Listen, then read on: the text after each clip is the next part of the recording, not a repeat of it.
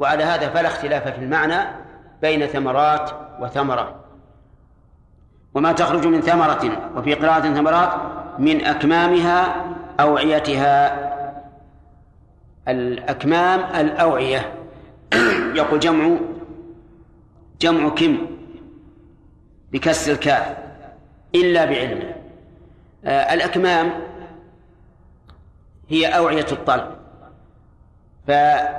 فهذا معروف في النخل وكذلك معروف في الأزهار تجد الزهرة عليها غلاف يسمى هذا كم. فما تخرج من ثمرة من كمها إلا بعلم الله عز وجل. أي ثمرة تكون؟ صغيرة أو كبيرة مأكولة أو غير مأكولة فهي بعلم الله عز وجل. ووجه كونها بعلمه أن هذه الثمرات مخلوقة لله وكل مخلوق لله فهو معلوم له. لقول الله تعالى ألا يعلم من خلق وهو اللطيف الخبير. فأنت متى أقررت أن الله خالق هذه لزم من إقرارك أن يكون الله عالما بها لأنه لا يمكن أن يخلقها وهو لا يعلم. ولهذا استدل الله استدل الله لذلك بدليل عقلي ألا يعلم من خلق وهو اللطيف الخبير. وما تخرج من ثمرات من أكمامها. وما, وما تحمل من أنثى ولا تضع إلا بعلم. ما تحمل من أنثى أي أنثى؟ من بني آدم أو من الحيوان أي أنثى. ما تحمل ولا تضع إلا بعلم الله عز وجل. فابتداء الحمل معلوم عند الله ووضعه كذلك معلوم عند الله تبارك وتعالى. آه نرجع إلى قوله من أنثى وإلى قوله من ثمرة. الإعراب. من حرف جر زائد. زائد من حيث الإعراب. وليس زائدا من حيث المعنى لأنه يفيد معنى وهو التوكيد. وعلى هذا فنقول من ثمرة من حرف جر زائد وثمرة فاعل. مرفوع بضمة مقدرة على آخره منع من ظهورها حركة المحل بحرف الجر الزائد. وكذلك يقال من أنثى من حرف جر زائد وأنثى فاعل مرفوع بضمة مقدرة على آخره. منع من ظهورها التعذر وهو في محل في محل جر لفظا لدخول من عليه. وقول إلا بعلمه بعلمه السابق أو الحادث عند وجود هذا الشيء. الجواب السابق. لأن علم الله تعالى محيط بكل شيء أزلا وأبدا فهو يعلم ما تخرج من ثمرات من أكمامها إلى يوم القيامة وكذلك ما تحمل من أنثى ولا تضع ثم قال عز وجل ويوم يناديهم أين شركائي؟ يعني يوم ظرف والظرف يحتاج إلى ما يتعلق به لأنه مفعول فيه وإذا كان مفعولا فيه فلا بد من فعل يكون عاملا فيه. فأين العامل؟ العامل في هذا مقدر والتقدير واذكر يوم يناديهم. واذكر يوم يناديهم. وهو أي مثل هذا التعبير موجود في القرآن كثيرا. والتقدير كما ذكرت العامل محذوف. تقدير اذكر يوم يناديهم أين شركاء إلى آخره وإنما أمر الله تعالى نبيه بذكره تخويفا لهؤلاء المكذبين وتسلية لرسول الله صلى الله عليه وعلى آله وسلم وقوله يناديهم أي يدعوهم بصوت رفيع لأن النداء يكون بصوت رفيع والمناجاة تكون بصوت أدنى وفاعل يناديهم هو الله بدليل قوله أين شركائي؟ يعني أن الله تعالى ينادي هؤلاء المشركون ينادي هؤلاء المشركين يقول أين شركائي؟ وهذا الاستفهام للتعجيز والتوبيخ أيضا فهو جامع بين معنيين التعجيز والثاني التوبيخ. يعني أين الذين أشركتم معي؟ يقول الله عز وجل قالوا آذناك أعلمناك الآن ما منا من شهيد. آذن بمعنى أعلم. ومنه قوله تعالى وآذان من الله ورسوله أي إيش؟ أي إعلام من الله ورسوله. فآذن بمعنى أعلم. ومنه في الحديث أن الرسول صلى الله عليه وعلى آله وسلم قال للنساء اللاتي يغسلن ابنته إذا فرغتن فآذنني أي أعلمنني. آذناك يقول المؤلف الآن. نعم أعلمناك الآن. فأفاد المؤلف بقوله الآن أن الفعل الماضي آذناك بمعنى المضارع. فهو إذن جملة خبرية حالية بمعنى الآن نعلمك. ما منا من شهيد وقيل آذناك آه إنها فعل ماضي على بابها فهي بمعنى الخبر عن شيء ماضي. انتبه الآن. فعندنا قولان هل الإعلام هنا يوم القيامة؟ كما قال المؤلف آذناك الآن. أو هو إعلام سابق في الدنيا. إن نظرنا إلى ظاهر اللفظ قلنا نرجح أنه إيش؟ إعلام في الدنيا. يعني أعلمناك في الدنيا فيكون على ظاهره. لكن يشكل على هذا التفسير أن واقع حالهم لا يدل على هذا. لأنهم مشركون فعلا. فكيف يؤذنونه؟ أنه أنه ما ما منهم من شهيد بذلك. أجاب القائلون بهذا أن المعنى آذناك بحسب الفطرة وما في قلوبنا لأنه ما من مولود يولد إلا على الفطرة. انتبهوا الآن للمعنى آذناك صيغتها فعل إيش؟ ماضي. يقتضي أن يكون هذا الإعلام سابقا عن وقت الخطاب. هذه واحدة. آذناك فعل ماضي لكن يراد به الخبر عن الحال الحاضرة. فهو بمعنى نحن نؤذنك الآن. هذا التفسير مخالف لظاهر اللفظ لكنه موافق لواقع حالهم. التفسير الأول إيش؟ موافق لللفظ لكنه مخالف لظاهر حاله. لأنهم لا يعلمونه بذلك إذ أنهم مشركون فعلا. أجاب هؤلاء الذين يقولون إنه آذناك في, الدنيا بأنهم أعلموه بحسب الفطرة التي يفطر عليها لأنه ما من مولود يولد إلا على الفطرة. قالوا آذناك ما منا من شهيد أي شاهد أن أي شاهد بأن لك شريكا. ما منا من شهيد ما نافية. ومنا جار ومجرور خبر مقدم وشهيد ومن حرف جر زائد. زائد إيش؟ إعرابا. وشهيد مبتدأ مرفوع بضمة مقدرة على آخره مع من ظهورها اشتغال المحل بحركة حرف الجر الزائد. يعني معناه أننا قد أقررنا بأنه لا أحد منا يشهد بأن لك شريكا. وهم يقولون هذا الآن لكنه لا ينفعهم لأنه إقرار بعد معاينة العذاب. والإقرار بعد معاينة العذاب ليس بنافع. ولهذا أقر فرعون حين أغرق بأنه لا إله إلا الذي آمنت به بنو إسرائيل ولكنه لم ينفعه فقيل له آه الآن وقد عصيت قبل وكنت من المفسدين. قال الله تعالى وضل عنهم أي غاب عنهم ما كانوا يدعون من قبل. ضل عنهم ما كانوا. ما اسم موصول؟ فاعل. بمعنى الذي. وضل عنهم ما كانوا يدعون قال المؤلف يعبدون من قبل في الدنيا من الأصنام. أصنامهم التي كانوا يتعلقون بها ويعبدونها لتقربهم إلى الله زلفى.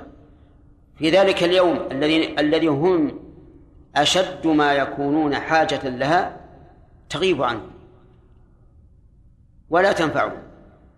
ولهذا قال ضل عنهم أي ضاع و وغاب ما كانوا يدعون أي يعبدون من قبل. ويريد بذلك ما الأصنام التي كانوا يعبدونها في الدنيا. مثلا النصارى يعبدون عيسى بن مريم. قريش تعبد اللات والعزى ومنات وهبل. منهم من يعبد النار كالمجوس من يعبد الشمس من يعبد القمر إلى آخره. هذه الأصنام التي تعبد من دون الله هل تنفعهم يوم القيامة؟ لا. ولهذا قال ضل عنهم ما كانوا يدعون من قبل. وربما نفهم من قوله ضل عنهم أنهم ذهبوا يج... أنهم ذهبوا يطلبونها يبحثون عنها ولكنها ضلت وضاعت.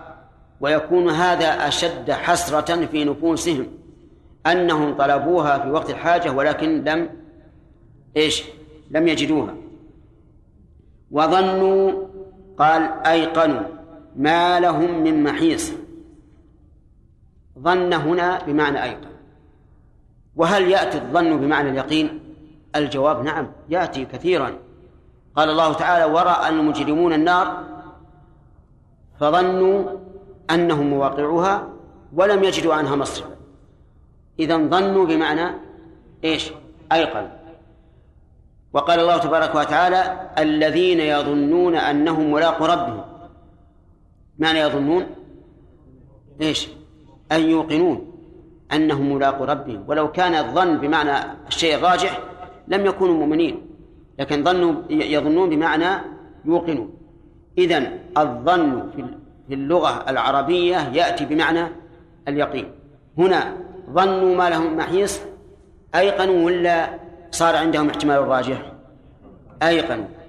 وقوله ما لهم من محيص فيها تقديم وتأخير وتوكيد. التقديم والتأخير أنه قدم فيها الخبر وأخر فيها المبتدأ أين الخبر؟ لهم أين المبتدأ؟ محيص فيها أيضا توكيد وهو من الزائدة لأن محيص مبتدأ مؤخر ودخلت عليه من الزائدة للتوكيد وإعرابه أنه مبتدأ مرفوع بالابتداء وعلى رفعه ضمة مقدرة على آخره منع من ظهورها اشتغال المحل بحركة المناسبة. وقوله محيص مهرب من العذاب. يعني أيقنوا أنه لا مهرب لهم من العذاب ولا مفر لهم منه وأنه واقع بهم لا محالة.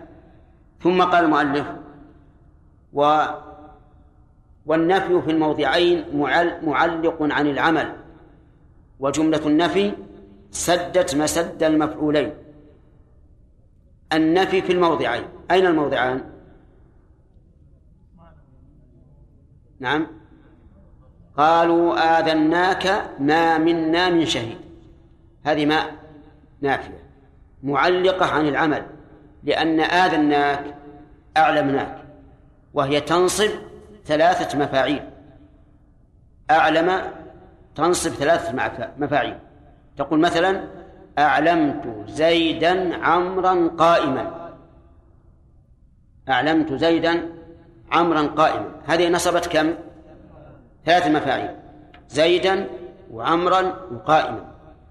هنا آذناك المفعول الأول موجود وهو الكاف. آذناك. المفعول الثاني والثالث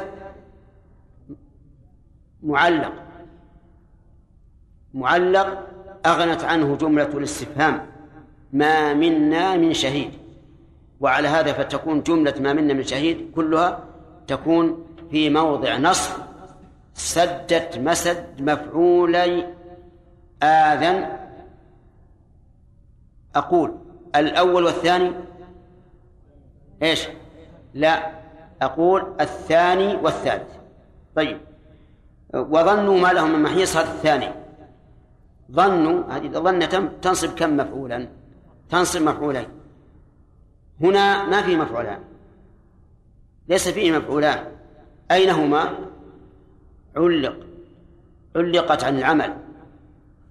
بجملة الاستفهام وهي قوله بجملة النفي وهي قوله ما ما لهم من محيص. وعلى هذا فيكون لهم ما لهم من محيص جملة إيش؟ في محل نصب سدت مسد مفعولي ظن. هذا إعراب في الحقيقة لا يدركه إلا من كان عنده علم بالمفاعيل. لكن نحن الآن شرحناه فمن فهمه فهذا المطلوب ومن لم يفهمه ومن لم يفهمه فإنه لا يضر. لأنه ليس له علاقة في المعنى. علاقته إنما هو بالإعراب في الإعراب فقط. نرجع إلى استنباط الأحكام من الآيات. قال الله تعالى إليه يرد علم الساعة. إلى آخره. من فوائد هذه الآية أن علم الساعة عند الله وحده. من أين تؤخذ يا أخي كيف أخذها من أنه علم عند الله وحده؟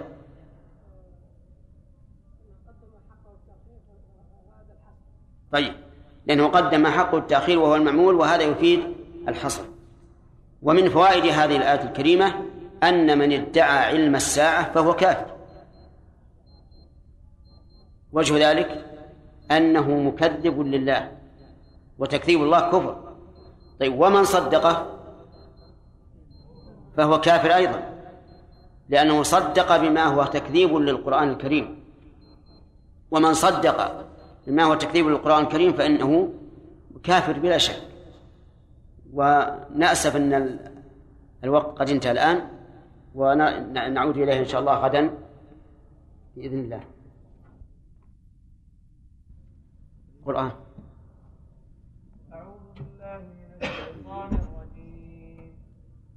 لا يسأم الإنسان من دعاء الخير.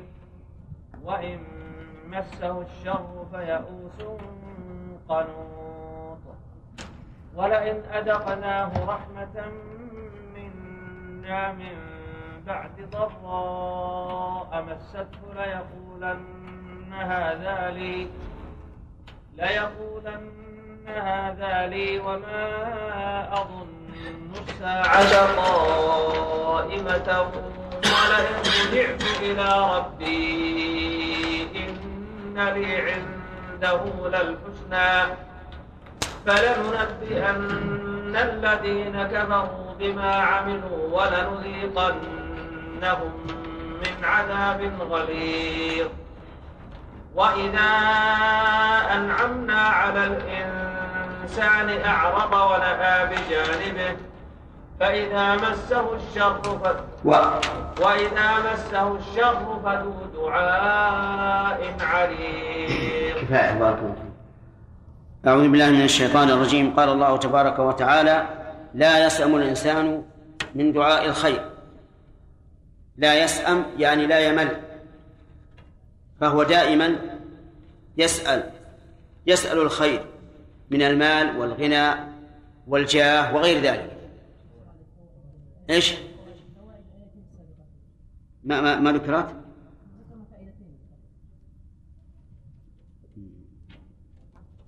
طيب ما الذي ذكر من الفوائد؟ آخر فائدة أن من ادعى فهو كافر لله. نعم. آه طيب إذا ناخذ الفوائد. قال الله تبارك وتعالى إليه يرد علم الساعة وما تخرج من ثمرات من أكمامها وما تحمل من أنثى ولا تضع إلا بعلم. آه من فوائدها أن علم الساعة عند الله عز وجل لا يعلمها لا يعلمها إلا هو وذكرنا لذلك دليلا آه، في حديث عمر بن الخطاب رضي الله عنه حين سأل جبريل ورسول الله صلى الله عليه وعلى آله وسلم عن الساعة فقال له ما المسؤول بأعلم من السائل ومن فوائدها أن من ادعى علم الغيب علم الساعة فهو كافر لأنه مكذب لله ورسوله وتكذيب الله ورسوله من أسباب الردة لأن الردة تدور على شيئين إما تكذيب وإما استكبار فكل ردة يحكم العلماء بها فإنها لا تخرج عن هذين الأمرين إما التكذيب وإما الاستكبار. ومن فوائدها من فوائد هذه الآية الكريمة أن عموم علم الله عز وجل. من فوائدها عموم علم الله عز وجل لقوله وما تخرج من ثمرات من أكمامها إلى آخره ومن فوائدها من فوائد الآية الكريمة توبيخ الكفار يوم القيامة. بقوله ويوم يناديهم أين شركائي؟ وهذا والتوبيخ في ذلك المكان من أعظم ما يكون من التوبيخ لأنه اليوم المشهود الذي يشهده الله وملائكته وجميع خلقه. ومن فوائدها إقرار هؤلاء المكذبين بالبعث في ذلك اليوم أنه لا شريك لله عز وجل. بقوله قالوا آذناك ما منا من شهيد. ومن فوائد الآية التي بعدها أن ما يعبد من دون الله فإنه هلاك وضلال ولن يجدي شيئا عن عابديه كقوله تعالى وضل عنهم ما كانوا يدعون من قبل ومن فوائدها أن هؤلاء المكذبين يوقنوا في ذلك اليوم أنه لا مفر لهم من عذاب الله. لأنه ليس هناك أحد يدفع عذاب الله تعالى عنهم فيوقنون بأنه لا محيص لهم منه. ثم قال عز وجل لا يسأم الإنسان من دعاء الخير. قوله لا يسأم أي لا يمل بل لا يزال يسأل. والإنسان هنا يحتمل أن يكون المراد به الكافر ويحتمل أن أن يراد به الجنس. أي جنس الإنسان سواء كان مؤمنا أم كافرا. ثم تنزل الأحوال على ما, ما, ما يليق بها. لا يسلم النساء من دعاء الخير. الدعاء مضاف والخير مضاف إليه. من باب إضافة من باب إضافة المصدر إلى مفعوله. وقول وهو أيضا أعني الخير مفعول لدعاء. والمدعو هو الله عز وجل. فعندنا داع ومدعو ومدعو به يعني أي مطلوب. فالداعي الإنسان. والمدعو الله. والمدعو به الخير. وقال المؤلف أي لا يزال يسأل ربه المال والصحة وغيرهما من البنين والزوجات والجاه والشرف وغير ذلك مما يدعوه الإنسان رغبة به. وإن مسه الشر وإن مسه الشر الفقر والشدة وتخصيص الشر بالفقر والشدة ليس على سبيل الحصر بل هو على سبيل المثال لأنه يشمل الفقر والشدة وفقد الأولاد وفقد الجاه والإيذاء من الخلق وأشياء كثيرة. فتخصيص المؤلف ذلك بالفقر والشدة من باب إيش؟ من باب التمثيل. وإن مسه الشر فيئوس قنوط. ألف رابطة للجواب. وهو إن. ويئوس خبر لمبتدأ محذوف. انتبه يا ولد. انتبه ولا أقمناك من مكانك. أنت. يئوس خبر المبتدأ أي فهو يئوس قنوط. قال المؤلف من رحمة الله تعالى. وهذا وما بعده بالكافر يئوس قنوط. هل هناك فرق بين اليأس والقنوط؟ الجواب نعم. اليأس هو زوال الرجاء بحيث ينقطع رجاء الإنسان. والقنوط أشد اليأس. وعلى هذا ف فيكون قوله يئوس هذا ابتداء. القنوط قنوط هذا نهايته.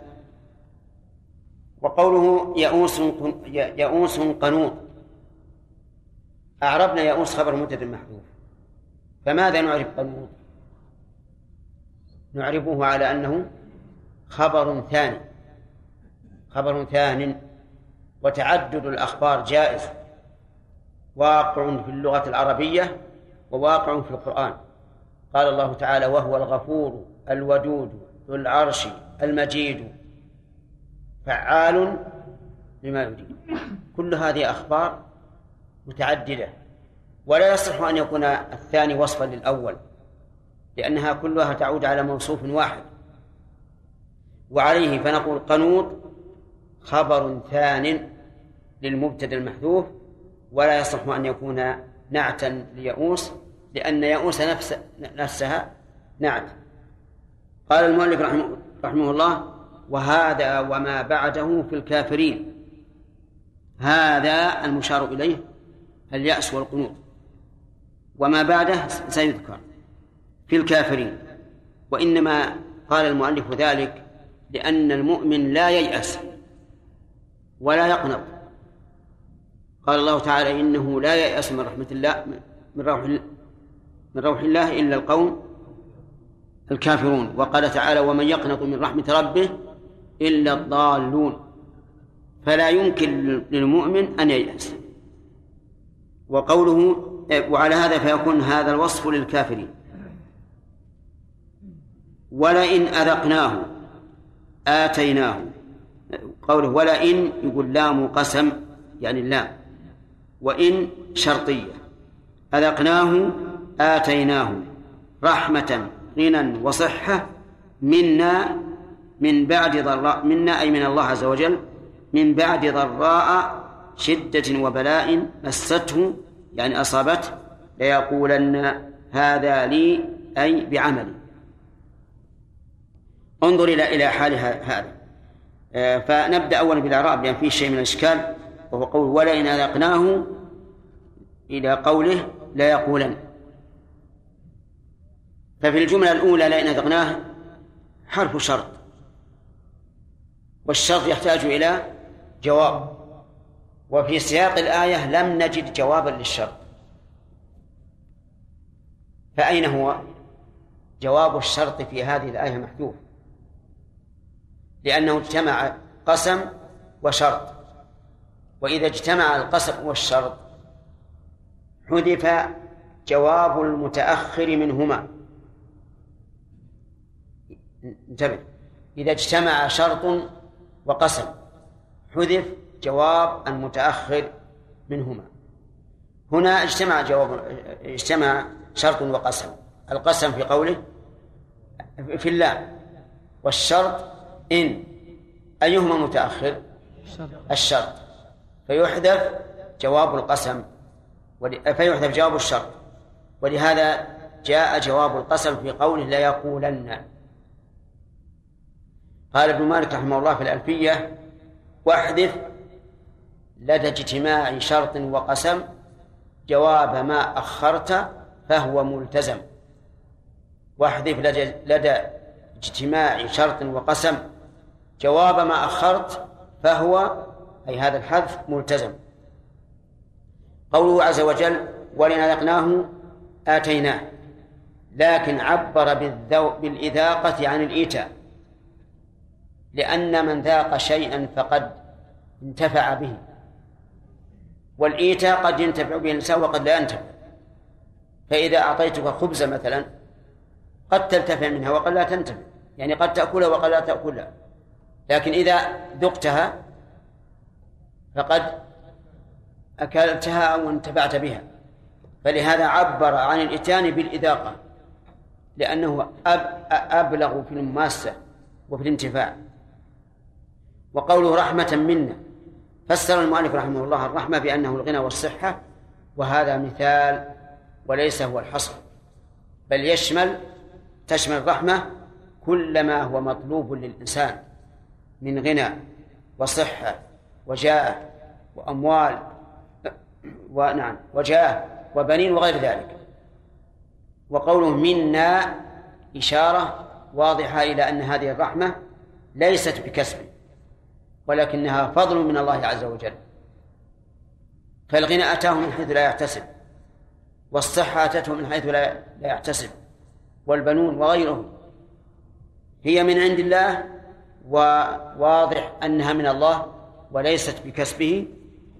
وقول من بعد ضراء مسته رحمة من بعد ضراء. يعني معناها أنها تيقن الضراء تيقن الضرر ثم جاءت الرحمة من عند من؟ من عند الله. وهذا أبلغ في النعمة أن تأتي بعد الضرر لأن النعمة الدائمة لا يحس بها لكن النعمة الطارئة بعد الضرر هي التي يحس بها. ولهذا من لم يذق من لم يذق مرارة المرض فإنه لا يتذوق حلاوة الصحة حتى في الأمور الشرعية.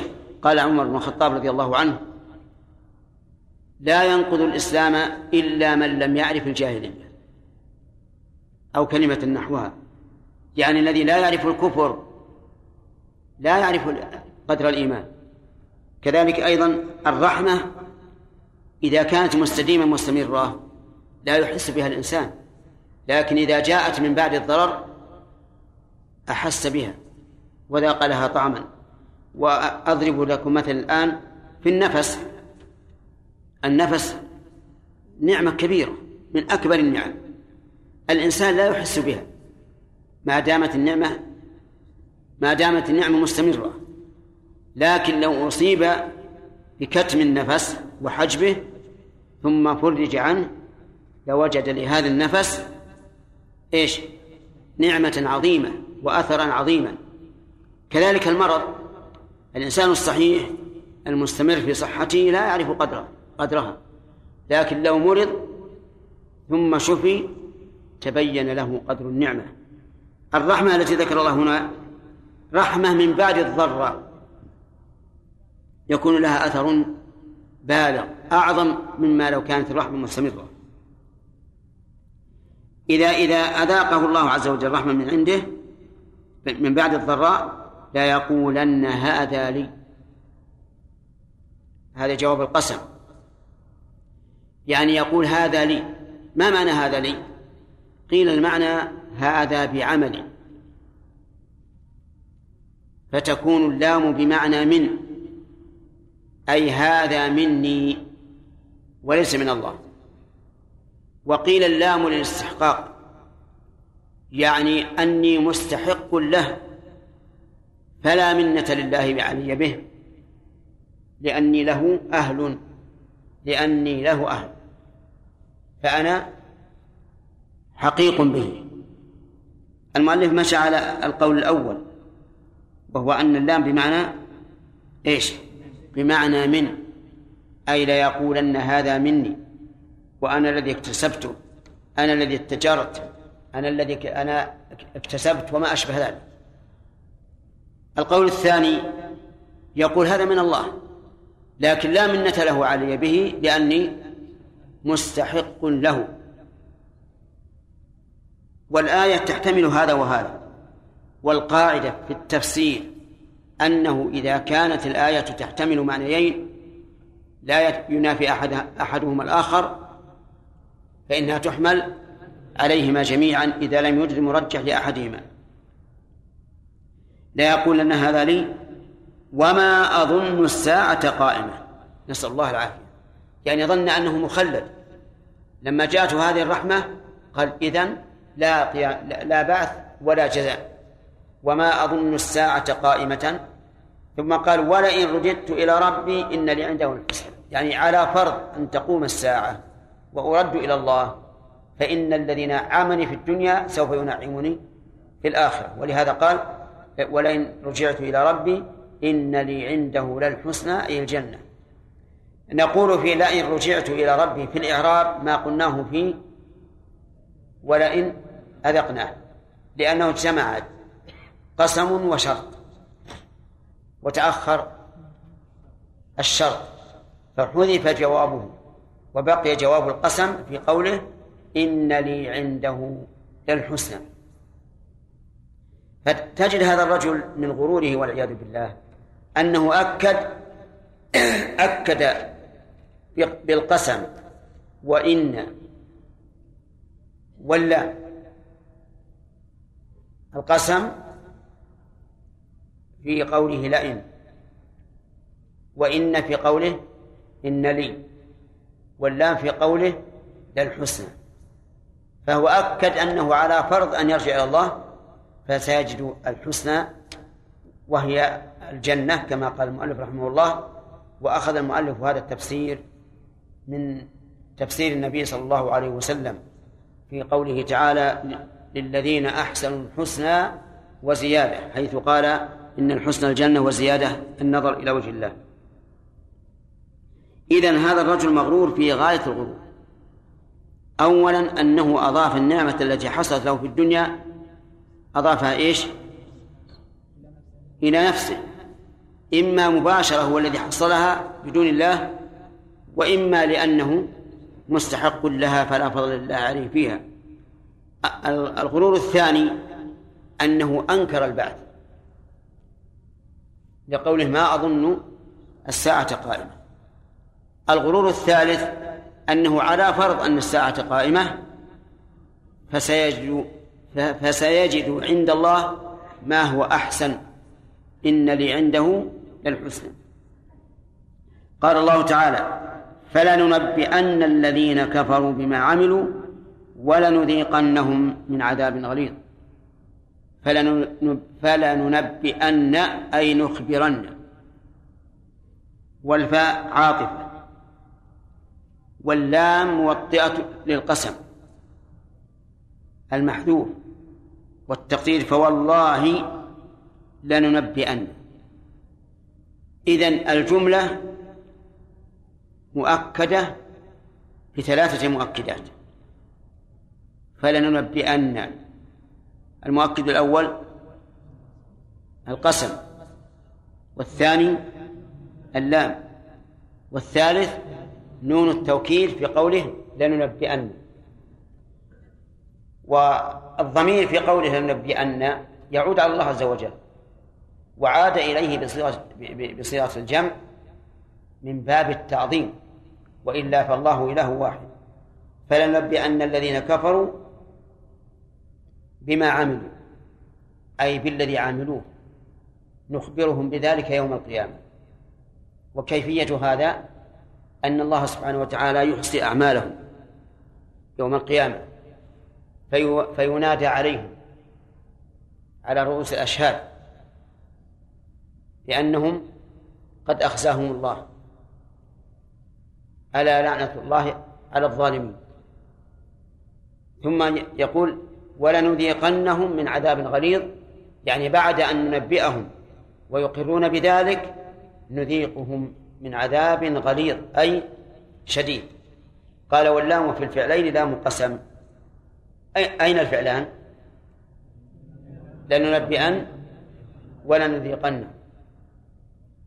في هذه الآية والتي قبلها بيان حال الإنسان الكافر.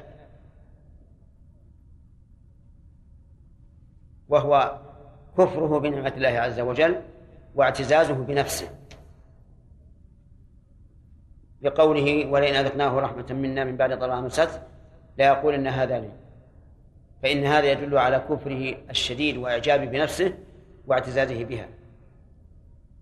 ومن فوائد هذه الآية الكريمة أن الله تعالى يرحم الكافر. لقوله ولئن أذقناه رحمة وبناء على هذا لو سألنا سائل هل الله يرحم الكافر؟ فالجواب نعم يرحمه والدليل هذه الآية. ولكن اعلم أن رحمة الله تبارك وتعالى نوعان. رحمة خاصة ورحمة عامة. فما به قوام البدن من الرحمة العامة وما به قوام الدين من الرحمة الخاصة. خليكم معنا. الرحمة نوعان عامة وخاصة. فما به قوام قوام البدن؟ امشي. عامة لأنه يشمل المؤمن والكافر والبر والفاجر والإنسان والحيوان. هذه رحمة عامة. وما به قوام الدين فهو الرحمة الخاصة وهذا يختص بالمؤمنين. والفرق بينهما أن الرحمة العامة إنما هي غذاء البدن فقط وتزول بزواله. والرحمة الخاصة غذاء الروح تبقى ببقاء الروح والروح منذ خلقها الله لا تفنى. الأرواح من الأشياء التي خلقت للبقاء بخلاف الأجساد. الأجساد قال الله كل من عليها فان. لكن الروح لا تفنى. كالولدان في الجنة والحور العين في الجنة خلقت للبقاء. إذن نقول الرحمة الفرق بين الرحمة العامة والخاصة إيش؟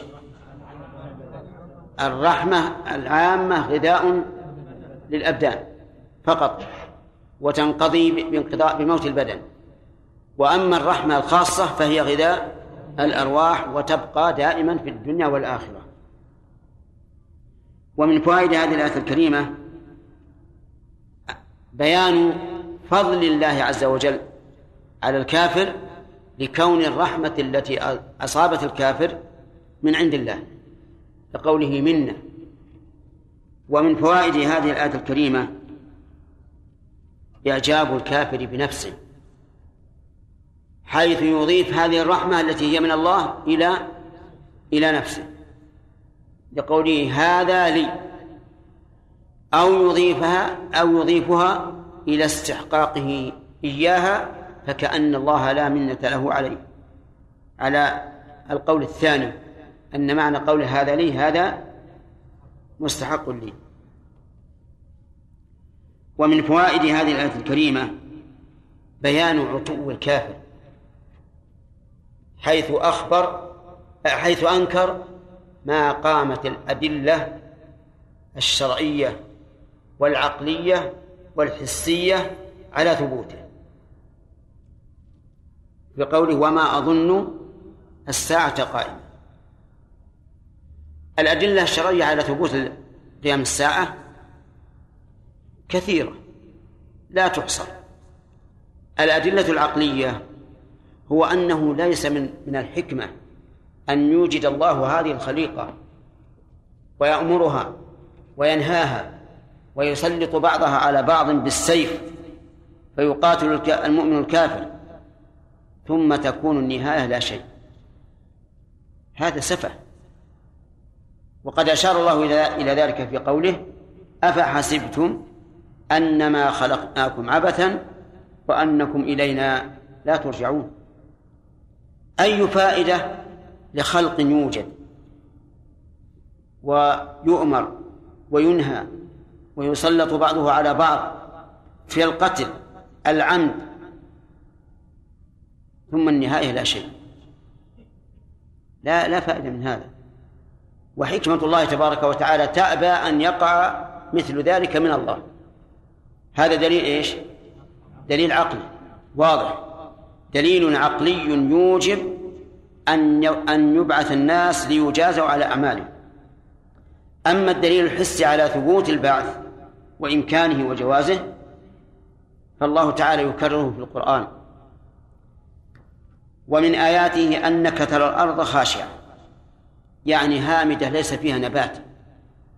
فإذا أنزلنا عليها الماء أي ماء المطر اهتزت وربت. فصارت حية. بعد أن كانت ميتة. قال الله تعالى إن الذي أحياها لمحيي الموتى. إنه على كل شيء قدير. فإحياء الأرض من بعد موتها. والناس يشاهدون دليل على إمكان إحياء الموتى وبعثهم. وهذا دليل واضح. حسي ولا عقلي؟ حسي مشاهد. كذلك أيضا أشهدنا الله عز وجل في الدنيا إحياء الموتى. فلنستعرض هذا في القرآن. المشهد الأول من بنو إسرائيل. قالوا لن نؤمن لك حتى نرى الله جهرة فأخذ فأخذتهم الصاعقة وماتوا ثم بعث. هذا في الدنيا. المشهد الثاني ها؟ نعم. القتيل الذي اختلفت القبيلتان فيه فأمرهم الله أن يذبحوا بقرة وأن يضربوا القتيل ببعضها ففعلوا. فحي القتيل وقال إن الذي قتله فلان. إحياء بعد الموت. المشهد الثالث نعم. الذين خرجوا من ديارهم وهم ألوف. حذر الموت. خافوا من الموت. وخرجوا من ديارهم فقال لهم الله موتوا. فماتوا. ثم أحياهم. أماتهم ليعلموا أنه لا مفر لهم من قضاء الله. ثم أحياهم ليقضي أجلا مسمى. كم هذا المشهد؟ المشهد الرابع. نعم صاحب القرية. مر على قرية وهي خاوية على عروشها. فقال أن في هذه الله بعد موتها فأماته الله مئة عام ثم بعثه. المشهد الخامس إبراهيم. قال رب أني كيف تحيي الموتى؟ فأمره الله عز وجل أن يذبح أربعة من الطيور ويجعل على كل جبل منها جزءا وأن يدعوها ففعل. فأقبلت إليه حية إما أنها تطير أو تمشي بسرعة. هذه خمسة مشاهد مذكورة في البقرة كلها تدل على إمكان إيش؟ الإحياء بعد الموت. أما قصة عيسى فكذلك أيضا. كان عيسى عليه الصلاة والسلام يحيي الموتى بإذن الله. يقف على الميت ويقول يا فلان قم ويقوم. بل يقف على القبر. الميت مدفون. ويأمره أن يخرج حيا فيخرج. كما قال تعالى وإذ تخرج الموتى بإذنه. وفي الدجال أخبرنا النبي عليه الصلاة والسلام أنه يقطع رجلا جزلتين ويمر بينهم. ثم يقف ويأمره أن يقبل. يأمر هذا الميت القطعتين أن يقبل فيلتئم حالا ويقوم. والناس ينظرون. هذا أيضا شاهد محسوس. فالمهم أن البعث دل عليه السمع والعقل والحس. طيب هذا الكافر يقول ما أظن الساعة قائمة. من فوائد هذه الآية الكريمة أيضا أن هذا الكافر عنده من العجب والثقة بنفسه على أنه ليس له شيء يثق به ما ما ما أمكنه أن يقول ولئن رجعت إلى ربي إن لي عنده للحسنى ومن فوائد الآية أن الإقرار بالربوبية لا يدخل الإنسان في الإسلام لأن هذا المنكر مقر بالربوبية من أين نأخذه؟ لا يقول لا ولئن رجعت إلى ربي. والمشركون كانوا مقرين بالربوبية. ولئن سألتهم من خلق السماوات والأرض ليقولن خلقهن العزيز العليم. لكن الإقرار بالربوبية لا يغني عن الإنسان شيئا.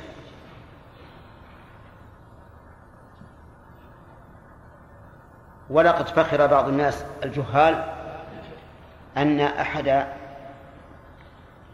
رواد الفضاء شهد بأن لهذا الكون خالقا. لما صعد في الفضاء ورأى الأرض ورأى ما حوله من الآيات شهد بأن لها خالقا. فصار بعض الناس الجهال يطنطن على إثبات أن أن للكون خالقا بشهادة هذا الرجل الكافر. وهذا حقيقة يدل على ضعف إيمانه. لأن خبر الله ورسوله عن ذلك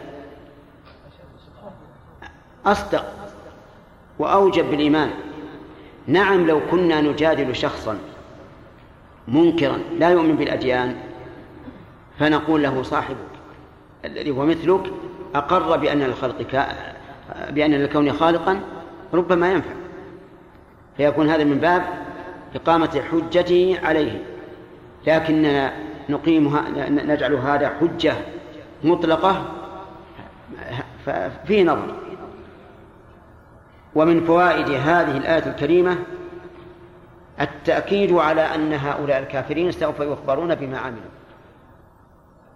بقوله فلا ننبئن الذين كفروا بما عملوا. متى هذا؟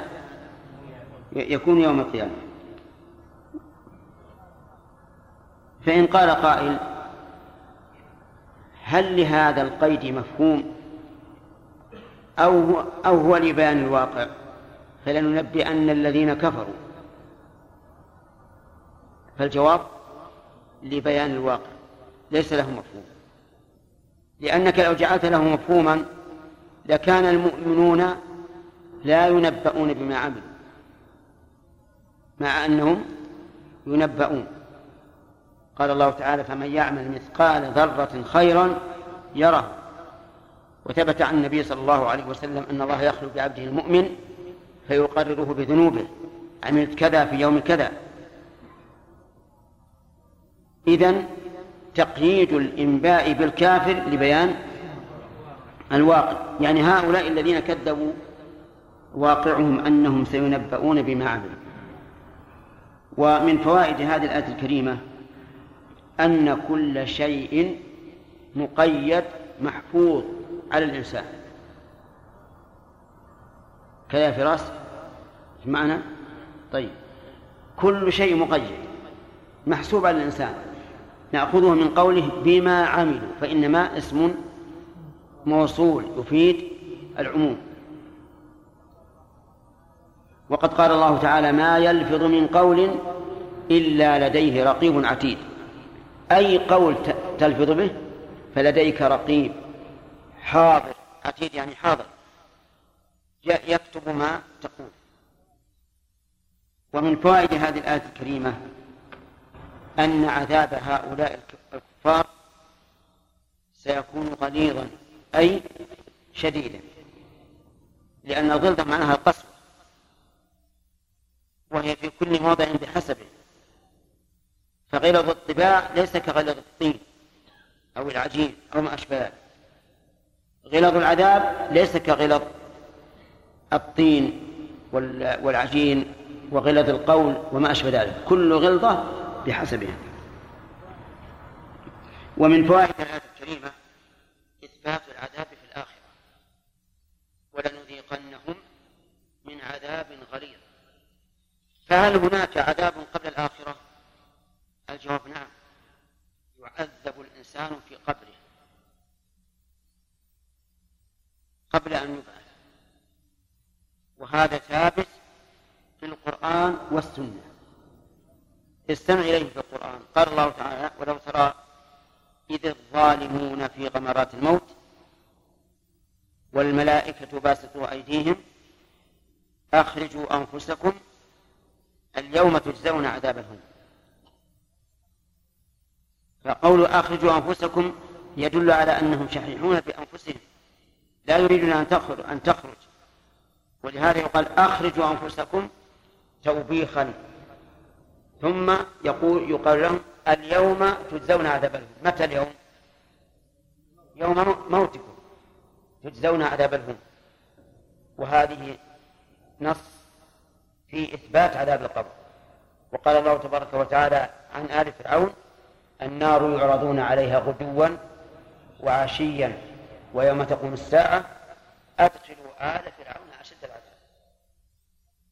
وأما السنة فطافحة في ذلك وكثيرة ومنها ما أجمع المسلمون عليه. فكل المسلمين يقولون في الصلاة أعوذ بالله من عذاب جهنم ومن عذاب القبر. وهل يتصور أن أحدا يتعوذ من شيء إلا وهو يؤمن بوجوده؟ عجيب. لا يتصور. إذن فعذاب القبر ثابت بالقرآن والسنة والإجماع. وعليه فيكون العذاب المذكور في قول والانتقام من عذاب غليظ هو عذاب الآخرة وهو أشد من عذاب القبر. أجارنا الله وإياكم من ذلك. نعم.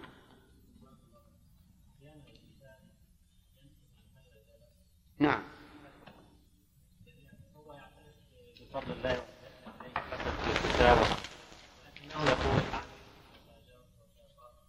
أين؟ لا ما إضافة إضافة العمل إلى النفس جائز. حتى أن الرسول عليه الصلاة والسلام قال في عم أبي طالب قال لولا أنا لكان في الدرك الأسفل من النار. لكن الإنسان يضيف إلى نفسه بمعنى كما قال هذا الكافر هذا لي هذا بعمله أو أو هذا أو أتاني من الله لأني مستحق له هذا هو الممنوع نعم وإذا أنعمنا على الإنسان أعرض ونأى بجانبه وإذا مسه الشر فذو دعاء عريض قل أرأيتم إن كان من عند الله ثم كفرتم به؟ من أضل ممن هو في شقاق بعيد. سنريهم آياتنا في الآفاق وفي أنفسهم حتى يتبين لهم أنه الحق. أولم يكف بربك أنه على كل شيء شهيد. ألا إنهم في مرية من لقاء ربهم. ألا شيء محيط. سبحان أعوذ بالله من الشيطان الرجيم. قال الله تبارك وتعالى وإذا أنعمنا على الإنسان أعرض. ونأى بجانبه. إذا أنعمنا على الإنسان يعني أعطيناه نعمة. والنعمة تدور على شيئين. على حصول المطلوب وعلى النجاة من المرهوب. فمن سقط في بحر ثم هيأ الله له من ينقذه من من الغرق فتلك نعمة. نعم. نعم. و طيب. و... وكذلك أيضا من رزقه الله مالا وولدا هذه نعمة. فالنعمة إما انتفاع نقمة وإما حصول محبوب للإنسان. وقول على الإنسان يقول المؤلف المراد الجنس. يعني ليس المؤمن ولا الكافر بل هذا الوصف يكون من المؤمن ويكون أيضا من الكافر. قلتم الآن أنه بقى علينا فوائد أي آيات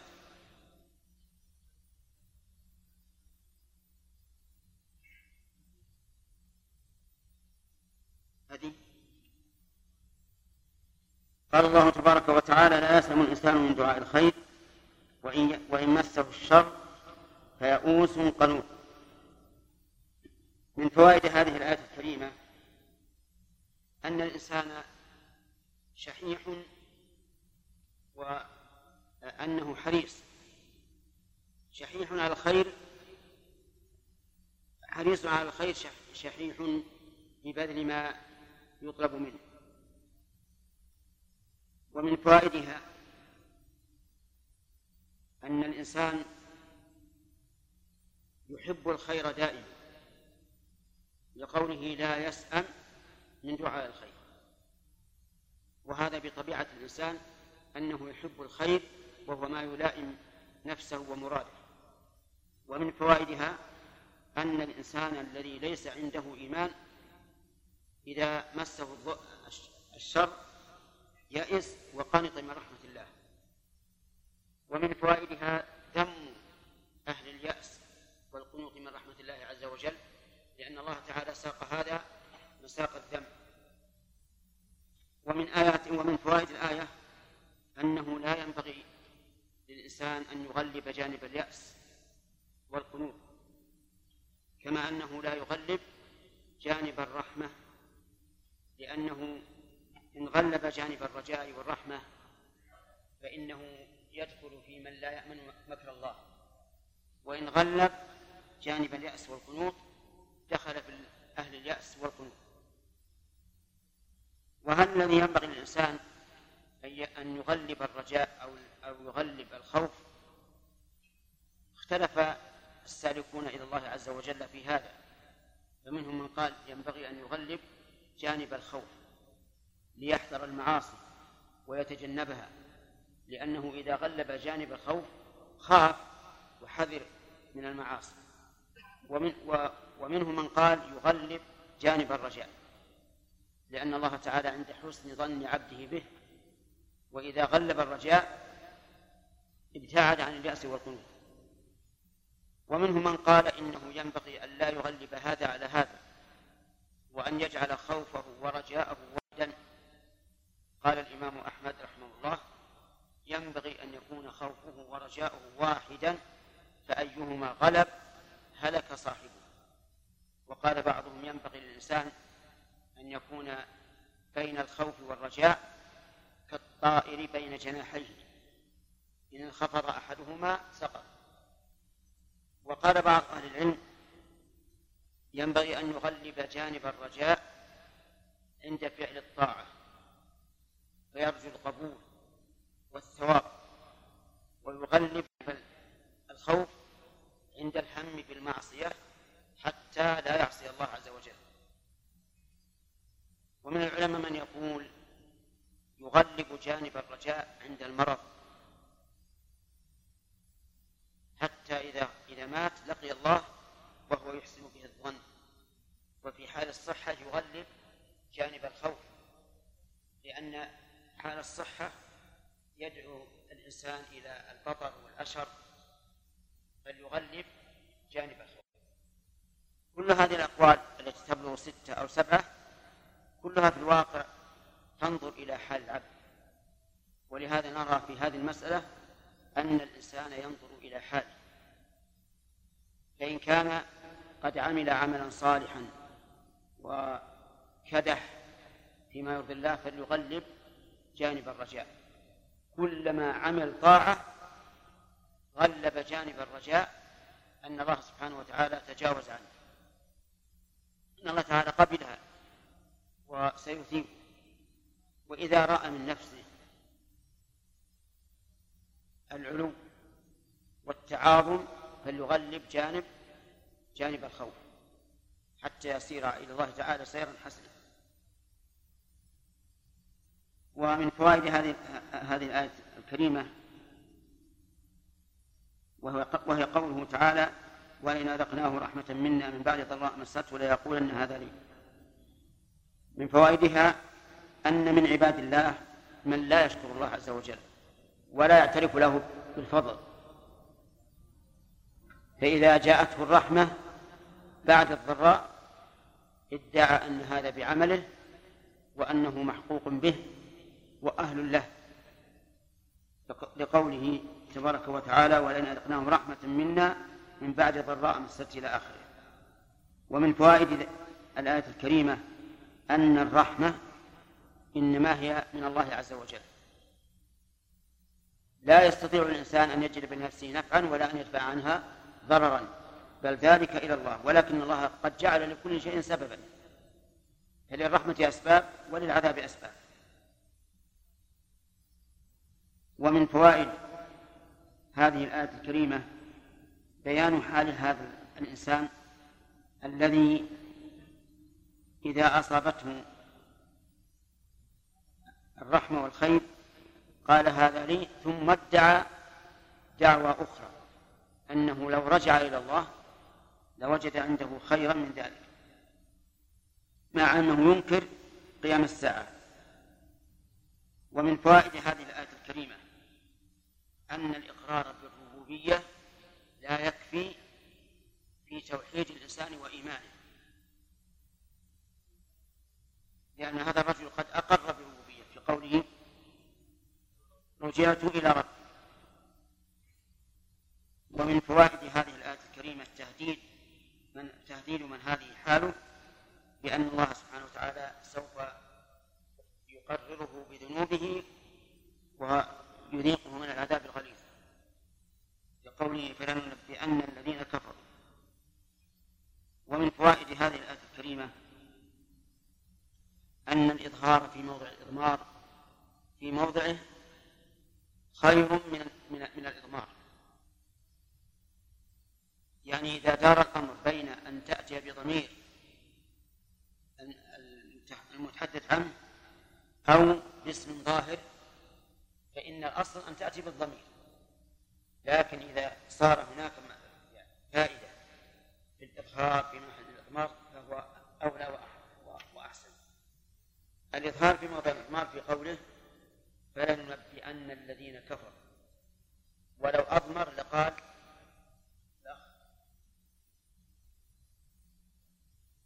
فلننبئنه. لكنه أظهر في موضع الإضمار. الإظهار في موضع الإضمار ذكرنا أن فيه ثلاث فوائد. من يحفظها؟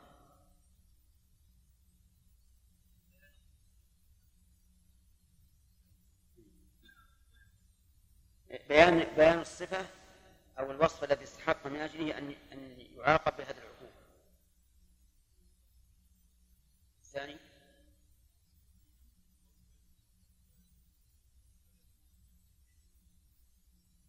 كيف؟ يعني ما التسجيل عليهم بالكفر. التسجيل على من هذه حاله بالكفر. نعم. بيان العموم. يعني أن هذا الوعيد ليس لهذا الرجل وحده بل لكل كافر. هذا بالنسبة لآية الائتمان ففي ففي ففي الإظهار في موضع الإضمار هذه الفوائد. فيه أيضا فوائد فائدة رابعة وهي انتباه المخاطب. لأن الكلام إذا كان على نسق واحد بضمائره ومظهراته فإن الإنسان لا ينتبه. لكن إذا جاء شيء يخرج الكلام عن سياقه فإنه لا بد أن أن ينتبه. ومن فوائد هذه الآية الكريمة إثبات البعث. لقوله فلننبئن الذين كفروا بما عملوا ولنذيقنهم من عذاب غليظ. ومن فوائدها عموم علم الله عز وجل. لأن المنبئ بالعمل لا بد أن يكون عالما به.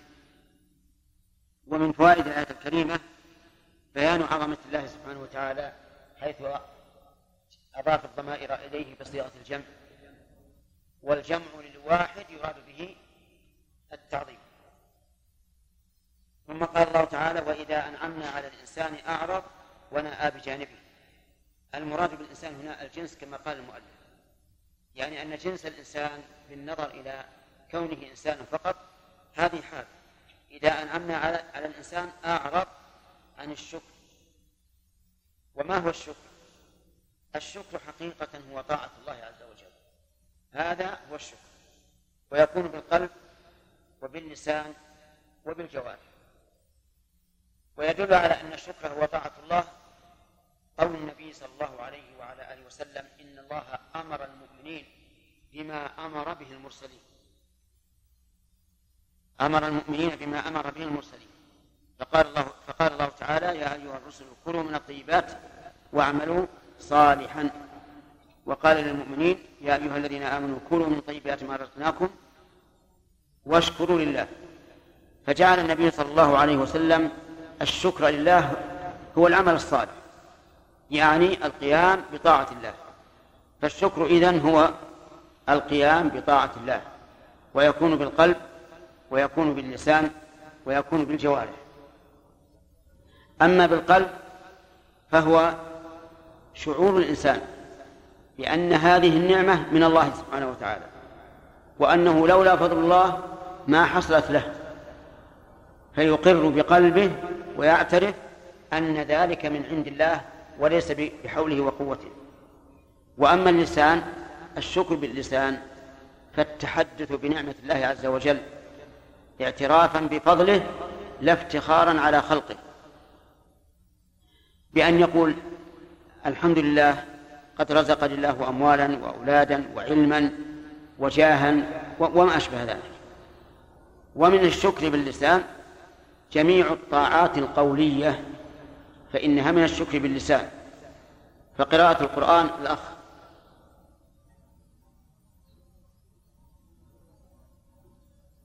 هل هي من الشكر أو لا؟ من الشكر.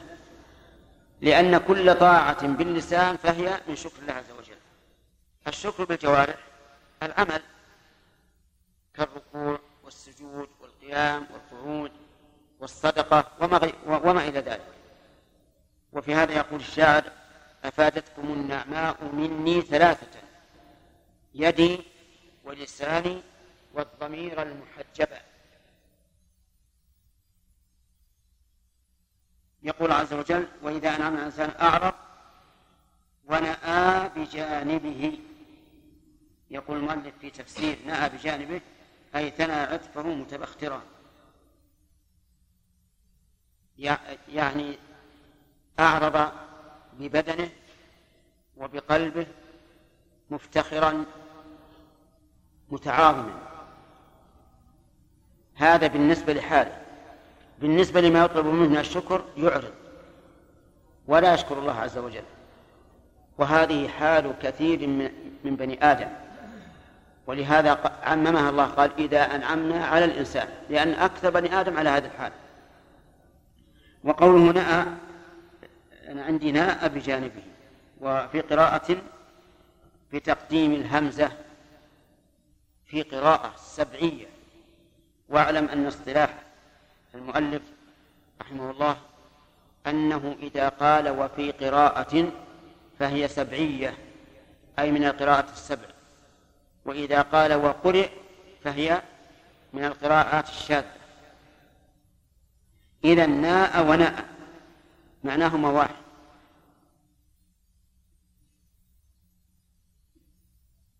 كأيس ويأس. بتقديم الهمزة وتأخيرها ومعناهما واحد. أيس من كذا يئس من كذا معناهما واحد.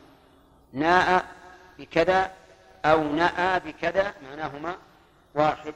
والمقصود أنه كما قال المؤلف ثنى عطفة وانصرف متبخترا ومتعاظما. وإذا مسه الشر أقبل. فذو دعاء عريض. أي طويل كثير. إذا مسه الشر لجأ إلى الله وأطال الدعاء وأكثر منه. وانظروا ما حكى الله سبحانه وتعالى عن المشركين إذا كانوا في البحر. وهاج وهاج البحر. دعوا الله مخلصين له الدين. لئن أنجانا من هذا لنكونن من الشاكرين. ولكنهم يعدون ويكذبون. إذا أنجاهم عادوا إلى الكفر والعياذ بالله. إذا أنعمنا عن إنسان أعضاء بجانبه نستفاد من هذه الآية الكريمة أن الإنسان من حيث هو إنسان بطر عند النعماء لكنه مقبل عند الضراء. لقوله إذا أنعمنا على الإنسان أعرض ونأى بجانبه ومن فوائدها أن ما يتمتع به الإنسان من النعيم فإنما هو من عند الله لقوله وإذا أنعمنا على الإنسان. ومن فوائدها التحذير من هذه الحال فإذا رأى الإنسان من نفسه أنه عند النعمة يفرح ويبطر ويتهاون بما أوجب الله عليه فليعلم أنه داخل في هذا الإنسان المذموم. ومن فوائد هذه الآية الكريمة أن الإنسان يعرف من نفسه الضعف إذا أصابه الضرر ويلجأ إلى الله. حتى الكافر يعرف من نفسه الضعف ويلجأ إلى الله عز وجل. ومن فوائد هذه هذه الآية الكريمة أن الكفار يؤمنون بالله وبأنه هو كاشف الضر بقوله فذو دعاء عريض. الإعراب بقوله إذا أنعمنا على الإنسان هذه جملة شرطية. فأين الجواب؟ الأخ. أنت. ها؟ إذا أنعمنا على الإنسان أعرض ونأى بجانبه أنت رفعت اليد اليسرى وهذا ليس من الأدب. ولذلك سوف يكون تعزيرك بحرمانك من من الإجابة. نعم. أعرض هذا الجواب ونأى بجانبه معطوف عليه. هذا صحيح. و أين الجواب في قوله إذا مسه الشر؟ فذو دعاء عريض. طيب. ذو دعاء عريض. أين عاملها مقدر. قلها على التقدير. فهو ذو دعاء عريض طيب. فهو ذو دعاء عريض لماذا اقترنت الفاء في جواب الشرط نعم.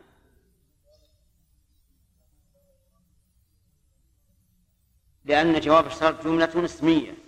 وإذا كان جواب الشرط جملة اسمية وجب نعم وجب قرنها بالفاء ولا تسقط إلا نادرا. ما هي الجمل التي إذا وقعت جوابا للشرط فإنها تقترن بالفاء؟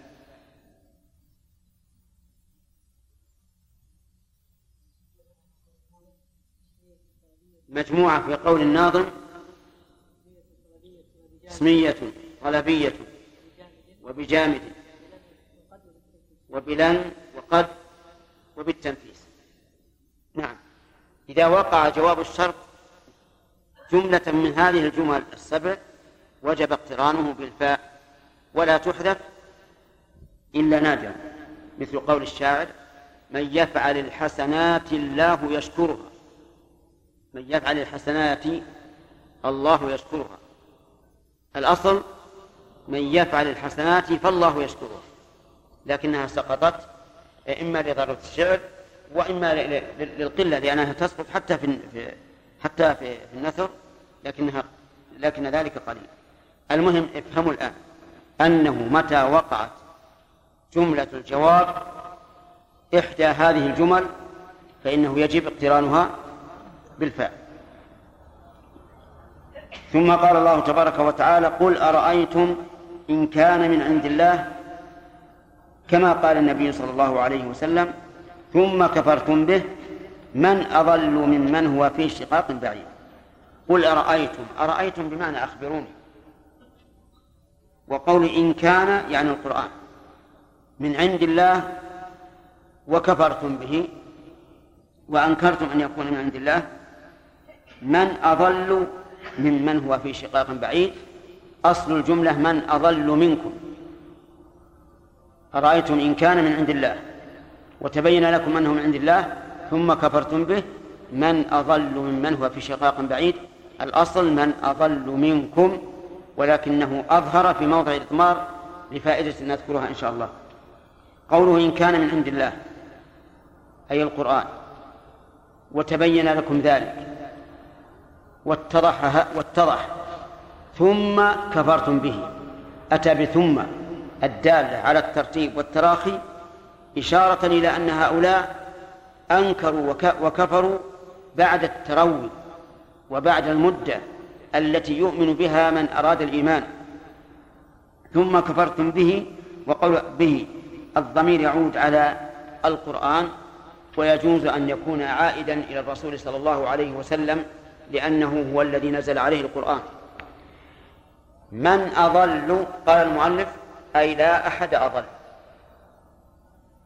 إشارة إلى أن الاستفهام هنا بمعنى النفي. واعلم أن الاستفهام يأتي بمعنى النفي كثيرا وإتيانه في موضع النفي أعظم من النفي لأنه إذا أتى الاستفهام في موضع النفي صار مشربا معنى التحدي. كأنه قال أروني أحدا أضل. وهذا لا شك أنه مشتمل على النفي وعلى التحدي. وقال من من أضل ممن هو في شقاق بعيد؟ من هذه؟ مبتدأ اسم استفهام مبتدأ وأضل خبر. ممن هو أي من الذي هو في شقاق خلاف بعيد. بل شقاق أخص من الخلاف. لأنه قد يخالفك ولا يشاقك لكن هؤلاء خالفوا وشاقوا. وقول بعيد أي بعيد عن الحق. أوقع هذا موقع منكم بيانا لحالهم.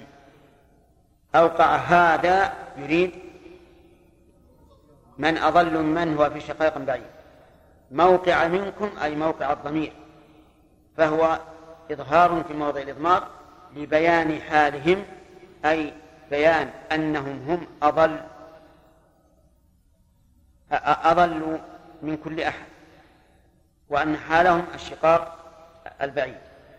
ففيه إظهار في موضع الإضمار وعبد الله بن عايض يبين لنا فائدة الإظهار في موضع الإضمار. بن عايض ولا بن عوض؟ يلا بن عوض.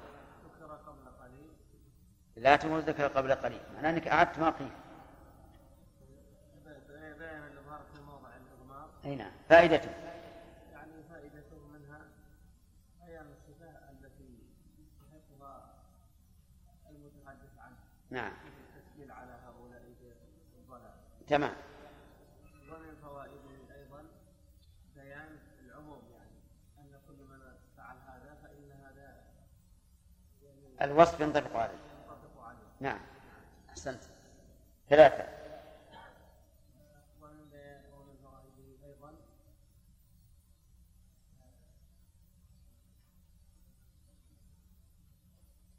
الآن نحتج عليك بقولك تقدم قبل قليل.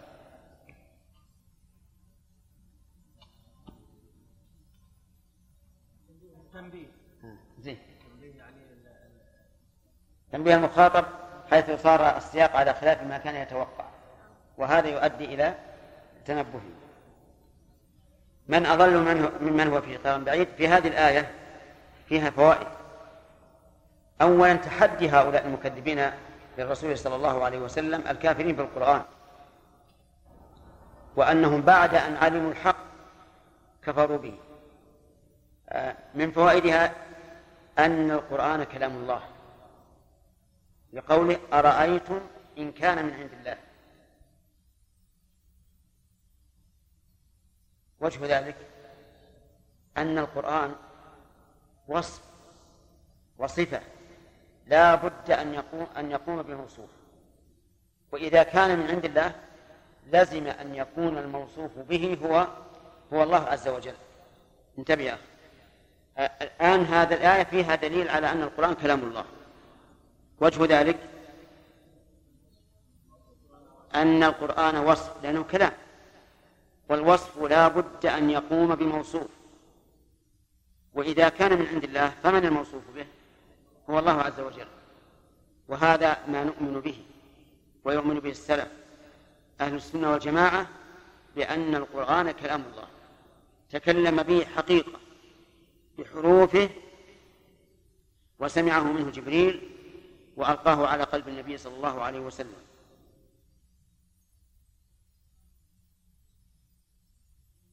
يرى أهل التعطيل أن القرآن كلام الله لكنه مخلوق.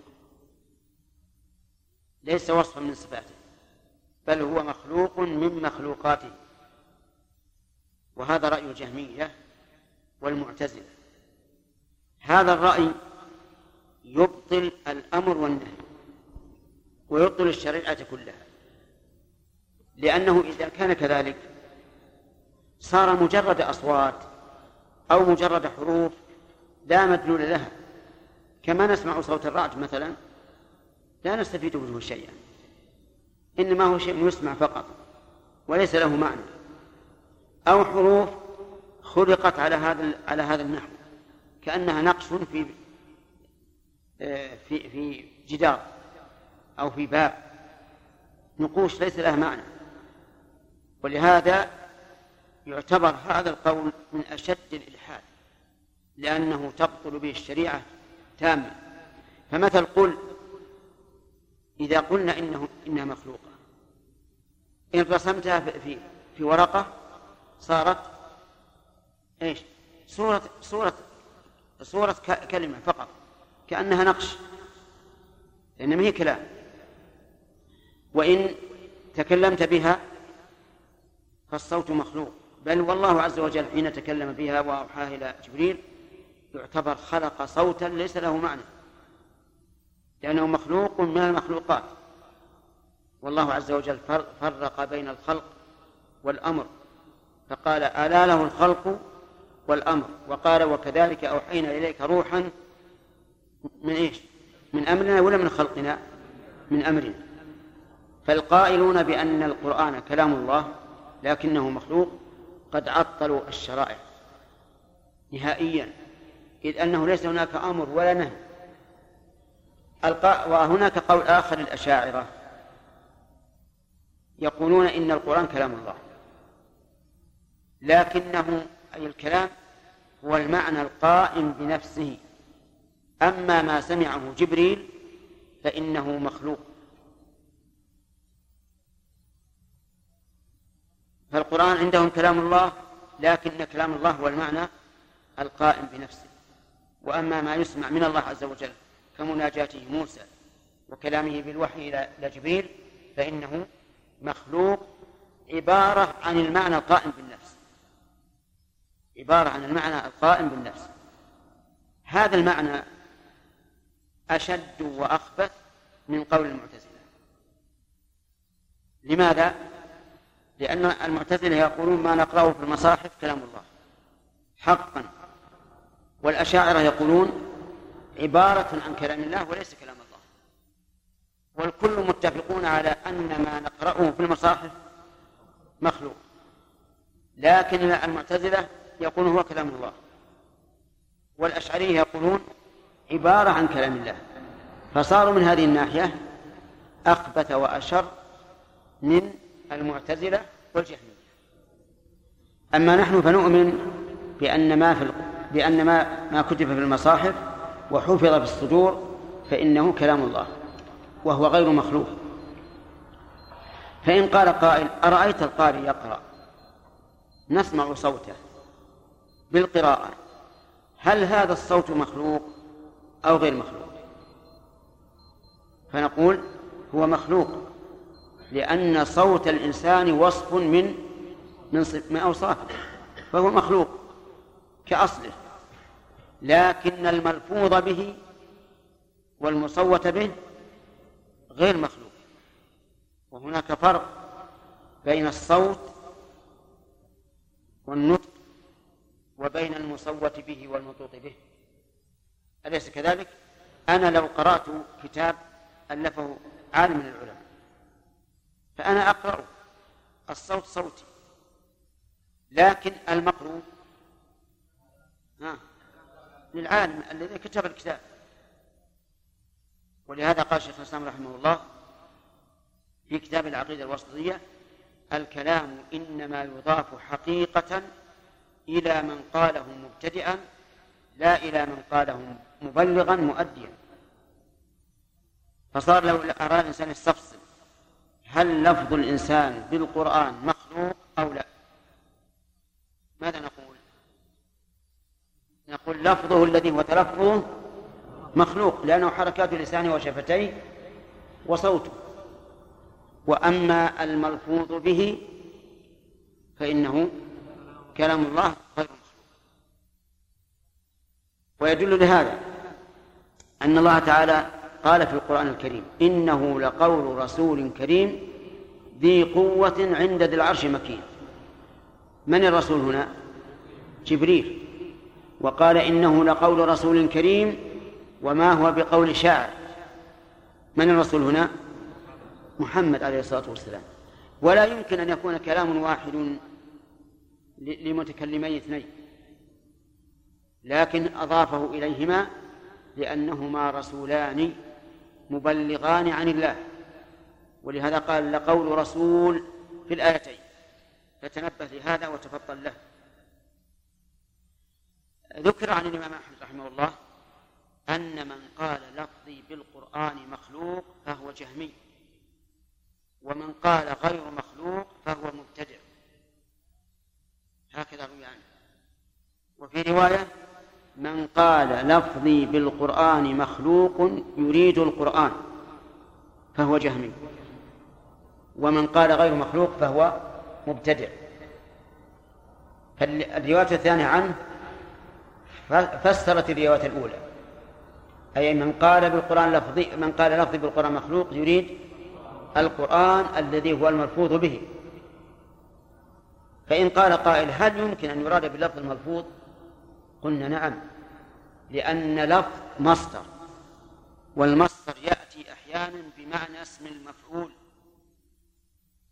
كما في قوله صلى الله عليه وعلى آله وسلم من عمل عملا ليس عليه أمرنا فهو رد. وكما رد بمعنى مردود. وكما في قوله تعالى وإن كن أولات حمل أي أولات محمول. فالحمل مصدر ويراد به ويراد به اسم المفعول. على كل حال نحن نقول في كلام الله عز وجل إنه كلام مسموع بحرف صوت وأنه غير مخلوق. وأنه صفة من صفاته.